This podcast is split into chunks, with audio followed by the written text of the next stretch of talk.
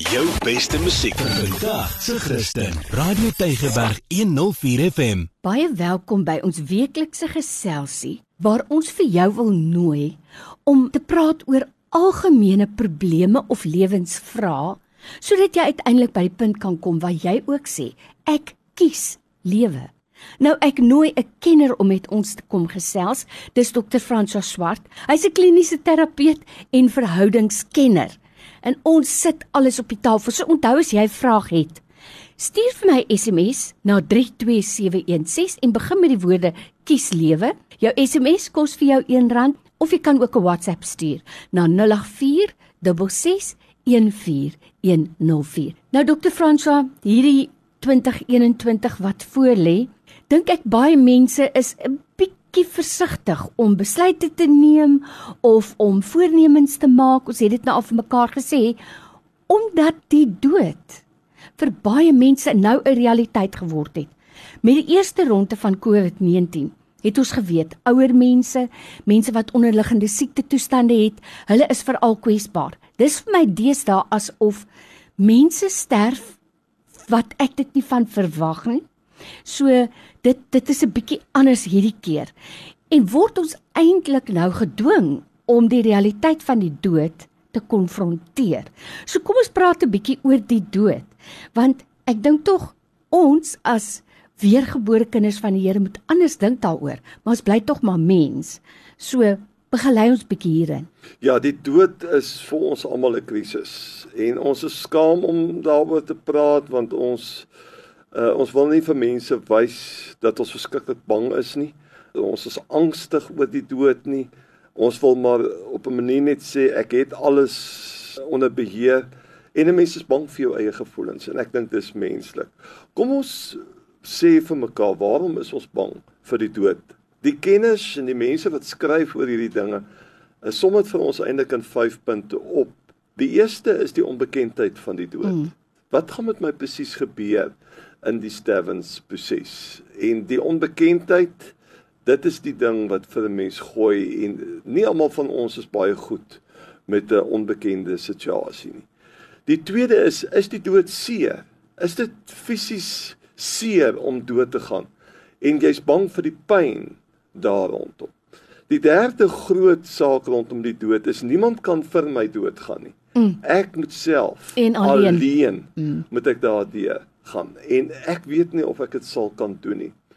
Die vierde is ek ek het my geloof en ek hou vas aan die beloftes maar ek weet nie presies hoe lyk dit daar aan die ander kant nie. Niemand van ons weet presies hoe lyk dit aan uh, die ander kant uh, die dood en hoe Jesus vir ons wag in die nuwe bedeling nie. En en dit bring dan ook angstigheid. En die vyfde groot rede hoekom mense worstel met die dood en ons ons weet uit navorsing ook dis veral ons dames wat baie keer mm. sukkel daarmee omdat hulle die primêre versorgers is mm. in huishoudings. Wanneer hulle besef dat hulle is besig om te sterf, is een van die grootste krisisse vir hulle in die sterwensproses is om te laat los. Mm. Hulle voel dat hulle versaak, hulle familiekring en hoe gaan hulle kinders sonder hulle kan aangaan en dit maak vir hulle die proses uh, van die dood ook geweldig. Dis ek dink wat ons moet sê as gelowiges en veral met uh, COVID-19 wat die dood weer baie ferm op ons radarskerms gebring het en dit maak nie saak hoe oud of hoe jonk jy is nie. Jy besef net ek is broos enige tyd kan dinge vir my verkeerd loop en dan's ek 'n uh, sterwende persoon. As Christene het ons Jesus wat baie met ons oor die dood gepraat mm. het. Mm. Trouwens van al die godsdienste wat ons van weet en van veral die persone wat wat wat vir ons raad gee vanuit 'n geestelike perspektief rondom die dood. Is dit die Christelike godsdienst wat die meeste eintlik praat oor die mm. dood. En Jesus is sy bediening het ook nogal daaroor gewerk. En Jesus het nogal hartseer geraak oor die dood. As ons dink aan Lazarus mm. nog voordat hy hom opgehef het en hy sien om Martha en Maria huil, dan gryp dit hom en dan lees ons hy het begin huil. Mm. En dit terwyl hy geweet het paar minute later gaan hy gaan hy vir Lazarus weer uit die dood uit as te ware wakker maak.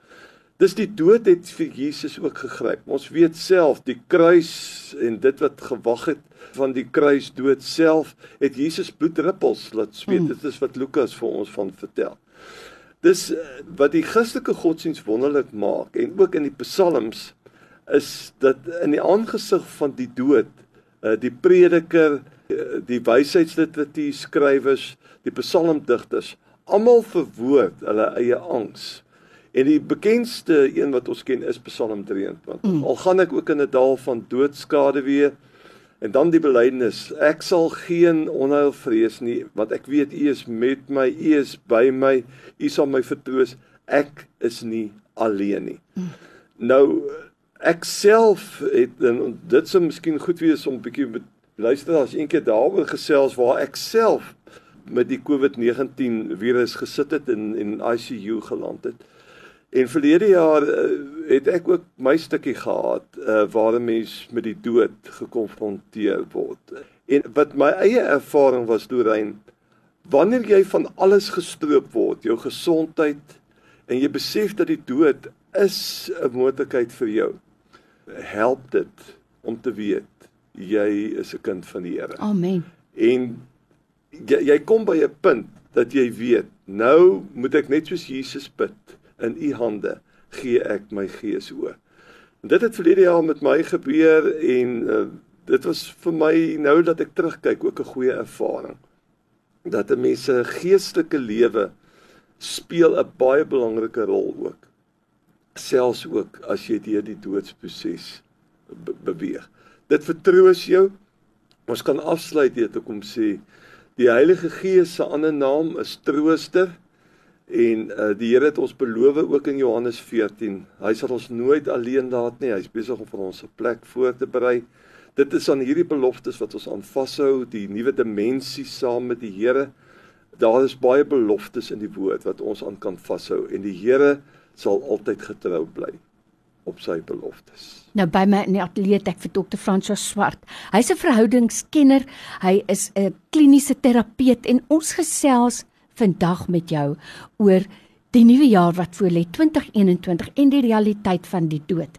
Dokter François weet daar's twee dinge wat ek nou aan dink terwyl hy gepraat het. En die eerste een is ons moenie ongeduldig word dat ons angstig is oor die jaar wat voorlê nie. Jesus het dan begrip vir ons. So ek moet dit nie sien as 'n ander persoon se ongeloof of klein geloof nie. Inteendeel, ek kan so 'n persoon eerder ophelp en met wysheid begelei. So dit is vir my groot ding. En dan die tweede ding is wanneer 'n mens met jou eie dood gekonfronteer word, dan moet jy gaan diep skep van dit wat binne in jou is en jy moet uit daai fontein uit dan gaan drink. So dit dit was my nou goed weer om net weer te hoor dat ons maar elke dag ons fontein vol vars water moet hou. Want jy weet nooit wanneer kom daar 'n tyd wat jy moet put daar uit nie en moet drink daar uit nie en verkoop word daar uit nie. So lees die Bybel elke dag, bid gedurig. Die Here het immers gesê Ek sal jou nooit los nie en ek sal jou nooit alleen laat nie. Dis goed om te weet, maar ek sou dit nie geweet het as ek daai water nie in my fontein gehad het nie. Ja, en ek dink COVID-19 en die doodsproblematiek. Dis belangrik dat jy iemand het, Lorraine, met wie jy kan praat oor mm. jou gevoelens. Mm. Uh, wat my gedra het in die COVID tyd is is die gebede van medegelowiges. Absoluut. Is 'n WhatsAppie op die regte tyd. Uh jy hoef nie eers direk met die persoon kontak te maak nie, maar net die feit dat jy 'n SMS stuur mm. of 'n e-pos stuur. Uh, ek en jy kan 'n verskil maak en in die proses van die dood kan ons mekaar help om saam deur daardie dal ook weer te gaan totdat ons op die volle vrede het wat net in Christus moontlik is. Ons groet weer tot volgende week. Totsiens. Totsiens al die luisteraars. Onthou, dis kies lewe op 'n donderdagmiddag 2 uur. Jy's welkom om vir my ook 'n vraag te SMS of te WhatsApp, maar onthou, begin met die woorde kies lewe. Jou beste musiek vir vandag se Christen. Radio Tygerberg 104 FM.